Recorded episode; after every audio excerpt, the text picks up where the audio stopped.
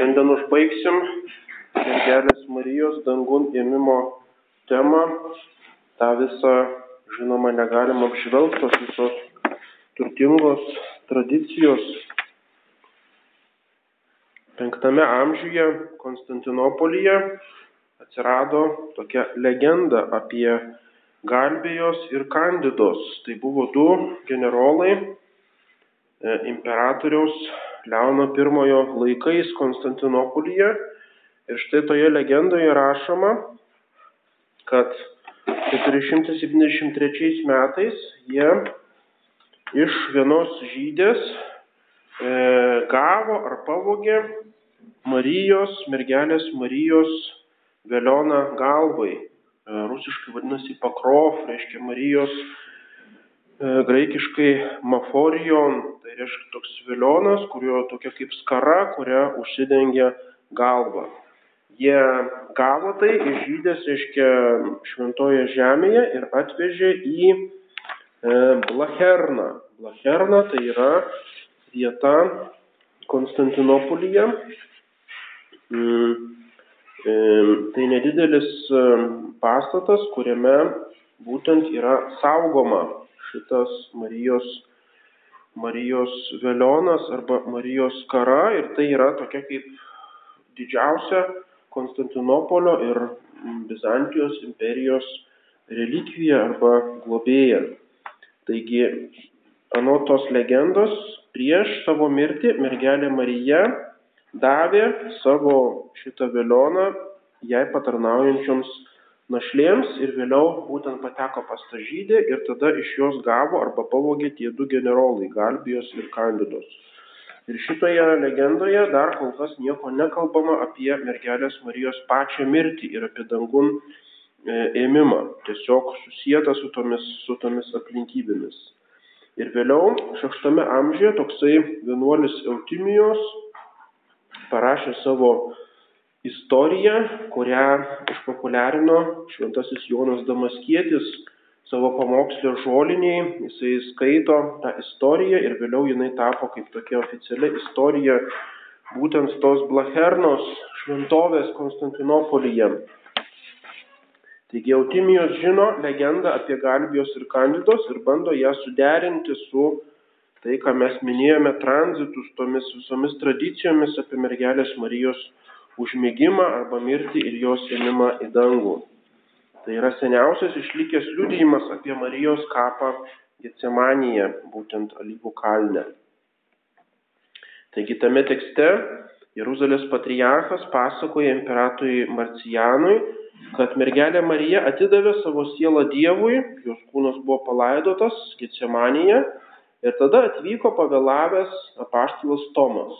Tai yra panašiai kaip su Jėzaus Kristaus prisikėlimu, tas neviernas Tomas, kuris netikėjo į Jėzaus prisikėlimą ir vėliau turėjo jam specialiai Jėzus Kristus duoti kažkokius tai ženklus. Taigi jisai atvyko pavėlavęs ir po trijų dienų jam buvo atidarytas kapas ir kūno jame nebuvo rasta, tik tai e, būtent tie Marijos e, rūbai. Ir apaštalai padarė išvadą, kad Jėzus Kristus jos kūną pernešė į dangų. Ir tie Marijos rūbai buvo imperatoriaus Marcijano pervežti į Blacherną. Taigi štai Blachernoje būtent yra ta žymiausia šventovė, kurioje yra e, žymi ikona Blachernisa, kuri vėliau buvo kopijuojama ir Rusijos ikonografijoje ir kitur. Tai yra tokia kaip, reiškia, mergelė Marija, kur jos pakrov arba jos tas kara yra globėja. Visos bažnyčios yra imperijos globėja. Ir štai kai Konstantinopolį apgulė avarai arba vėliau persai, vėliau arabai pradėjo musulmonai pult, būtent tas Marijos tas iš Blachernos ta relikvija buvo pernešama į mūšio gretas ir jinai saugojo miestą nuo, e, nuo polimų. Tai yra tokia viena žymiausių rytų bažnyčios relikvijų, būtent velionas arba skara mergelės Marijos. Ir štai tas Jonas Damaskietis mm, būtent bando jau teologiškai išaiškinti Marijos ėmimą į dangų. Dėrėjo, kad ta, kuri gimdydama išsaugojo savo mergystę nepaliestą, išsaugotų savo kūną laisvą nuo bet kokio sugėdimo net po mirties. Dėjo, kad ta, kuri nešiojo kūrėją kaip vaiką prie savo krūtinės apsigyventų dieviškose padangtėse. Dėrėjo, kad sužadėtinė, kurią tėvas pasiemė savo, gyventų dieviškose rūmose. Dėrėjo, kad ta, kuri matė savo sūnų ant kryžiaus ir tuomet pajuto savo širdį esant pervertą kančios kalavijo, kurio ji buvo išvengusi jį gimdydama, žvelgtų jį sėdinti su tėvu. Dėrėjo, kad Dievo motina turėtų tai, kas priklauso jos sūnui, ir kad ji būtų visų kūrinių pagerbta kaip Dievo motina ir tarnaitė. Taigi Jonas Damaskietis, jau būdamas teologas, tai yra 8 amžiaus pradžia, pirmoji pusė, jau jisai tą visą tradiciją jau ima aiškinti teologiškai, susėdamas su visu Jėzaus Kristaus išganimo darbu. Nuo pat įsikūnymo, nuo gimimo iki kryžiaus Visur ji yra kartu su Jėzumi Kristumi, su savo sūnumi. Taigi dėrėjo, kad jinai būtų pagerbta. O e, yra tas principas, kad tai, ką Dievas galėjo ir ką dėrėjo, tą Dievas ir padarė. Būtent tas teologinis principas, kurį, apie kurį kalbėjom per nekaltąjį prasidėjimo, apie nekaltojo prasidėjimo paslapti, tą patį principą būtent pritaiko Jonas Damaskietis, susiję su visomis Marijos privilegijomis. Vėliau buvo šventasis Germanas, Konstantinopolio patriarchas, kuris svarsto, jog tai, kad Marijos keiščiausios Dievo motinos kūnas nesugedo ir buvo paimtas į dangų, dera ne tik su jos dieviška motinystė, bet ir su ypatingu jos kūno šventumu. Ir jisai rašo, tu esi ta, kuri pasirodo visų grožių. Tai yra citata iš gesmių gesmės. Ir tavo kūnas yra visas šventas, visas skaistus, visas Dievo buveinė. Todėl jis nuo tol visiškai apsaugotas nuo subirėjimo į dulkes, kas yra būtent bausmė už nuodėmės. Ne pati mirtis, bet subirėjimas į dulkes to kūno e, paniekinimas. Nors vis dar žmogiškas tas kūnas yra perkeistas į dangišką negendamumo gyvenimą, tikrai gyvas ir šlovingas, nepažeistas ir dalyvaujantis tobulame gyvenime. Tai yra toksai pašlovinimas pa, pa to Marijos dangun ėmimo. Toliau šventasis modestas, Jeruzalietis, kadangi šlovingiausioji Kristaus mūsų išganytojo Dievo ir gyvybės bei nemirtingumo davėjo motina buvo jo apdovanota gyvenimu, tai ji gavo amžiną kūno negindamumą kartu su tuo, kuris ją pakėlė iš kapo ir pasiemė pas save tik jam vienam žinomu keliu. Ir bažnyčios tėvai, aiškindami tą tiesą, pateikė įvairiausių įrodymų, nušviečiančių tą Marijos privilegiją. Pirmiausia, pabrėžia tą faktą, kad iš sūniškos meilės savo motinai Jėzus Kristus panoro, kad ji būtų paimta į dangų. Grindžia savo įrodymus tuo dieviškos motinystės kilnumu ir visomis kitomis iš to kylančiomis prerogatyvomis.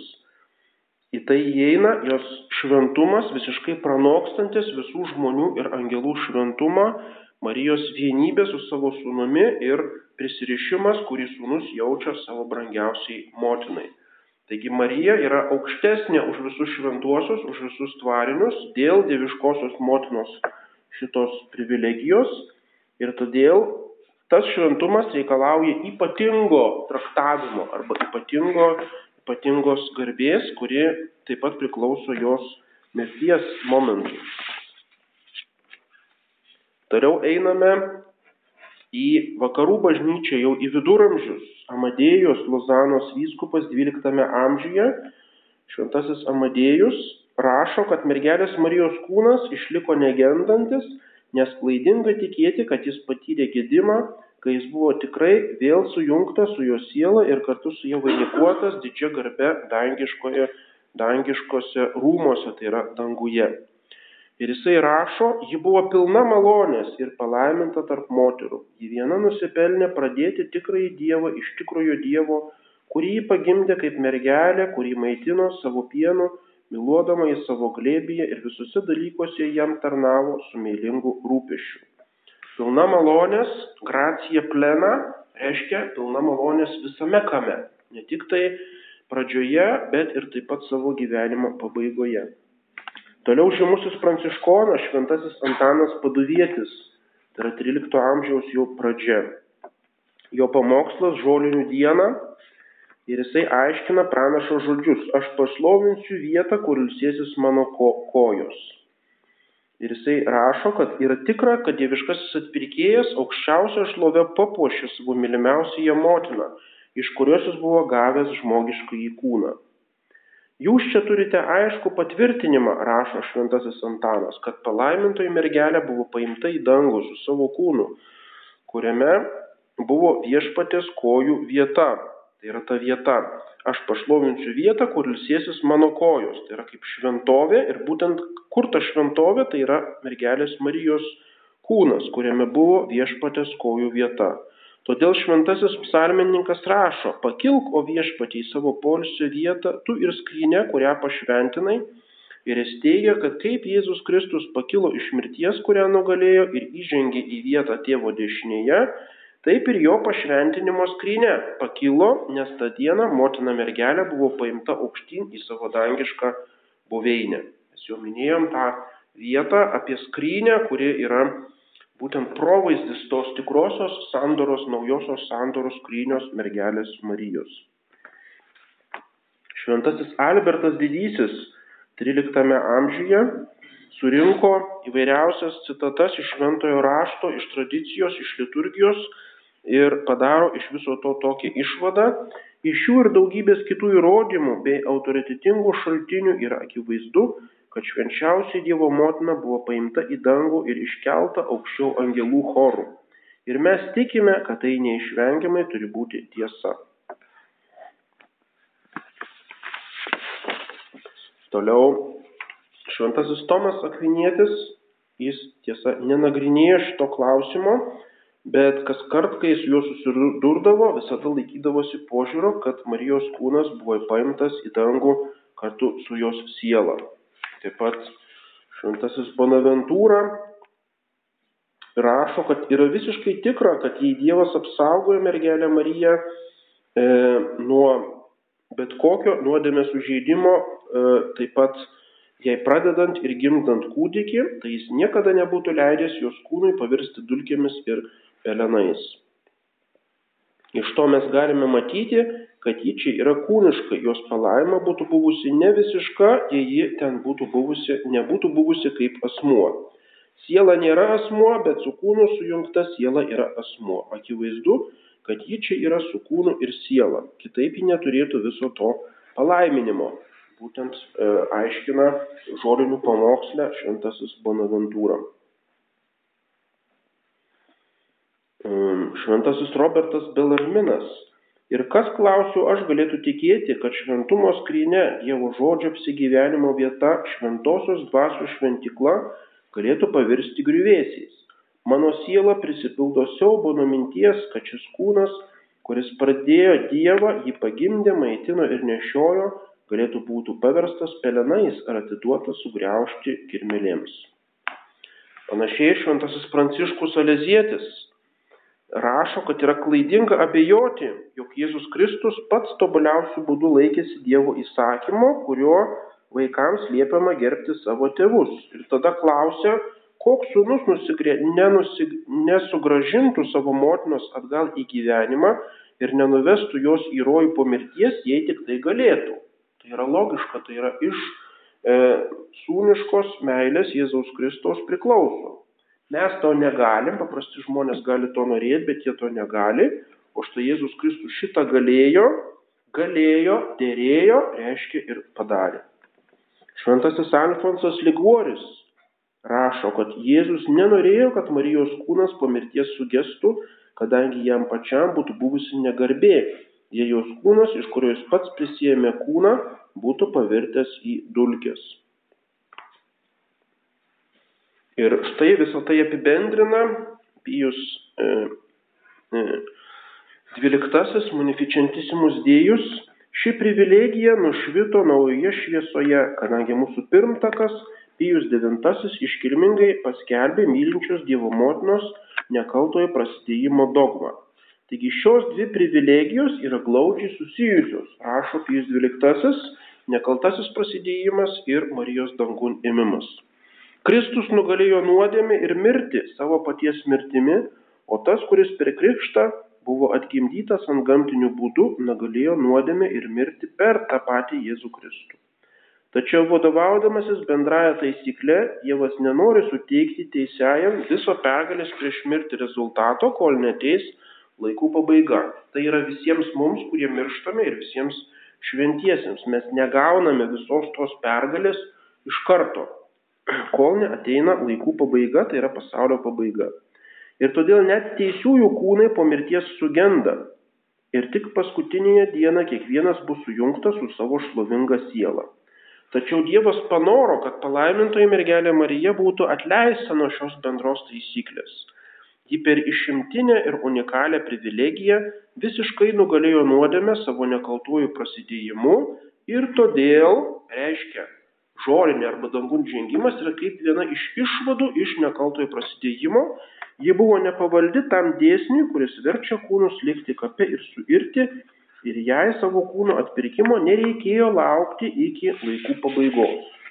Tiesiog jinai buvo atpirkta ir buvo išganyta taip kaip kiti žmonės ir jos būklė iš esmės nesiskirs nuo kitų žmonių būklės, nes ir mes atgausime savo kūnus, bus, mūsų kūnai bus prikelta ir prikelti ir su kūnais būsime danguje, tačiau jos privilegija yra tame, kad visa tai yra anksčiau už mus, visa tai nelaukiant pasaulio pabaigos. Tikintieji, toliau rašo Pijus XII, vis aiškesnėje šviesoje apmastė tų privilegijų, kurias visą numatantis Dievas dosniai suteikė šiai mylinčiai mūsų atpirkėjo bendradarbiai, nuostabę harmoniją ir tvarką, privilegijų, kurios sudaro tokį aukštą planą, kad išskyrus ją niekas kitas Dievo sukurtas, tik Jėzaus Kristos žmogiškoji prigimtis, niekada negalėjo pasiekti šio lygio. Tai yra nuostabi harmonija ir tvarka visų dogmų, katalikiškų dogmų ir taip pat šitų marijinių dogmų.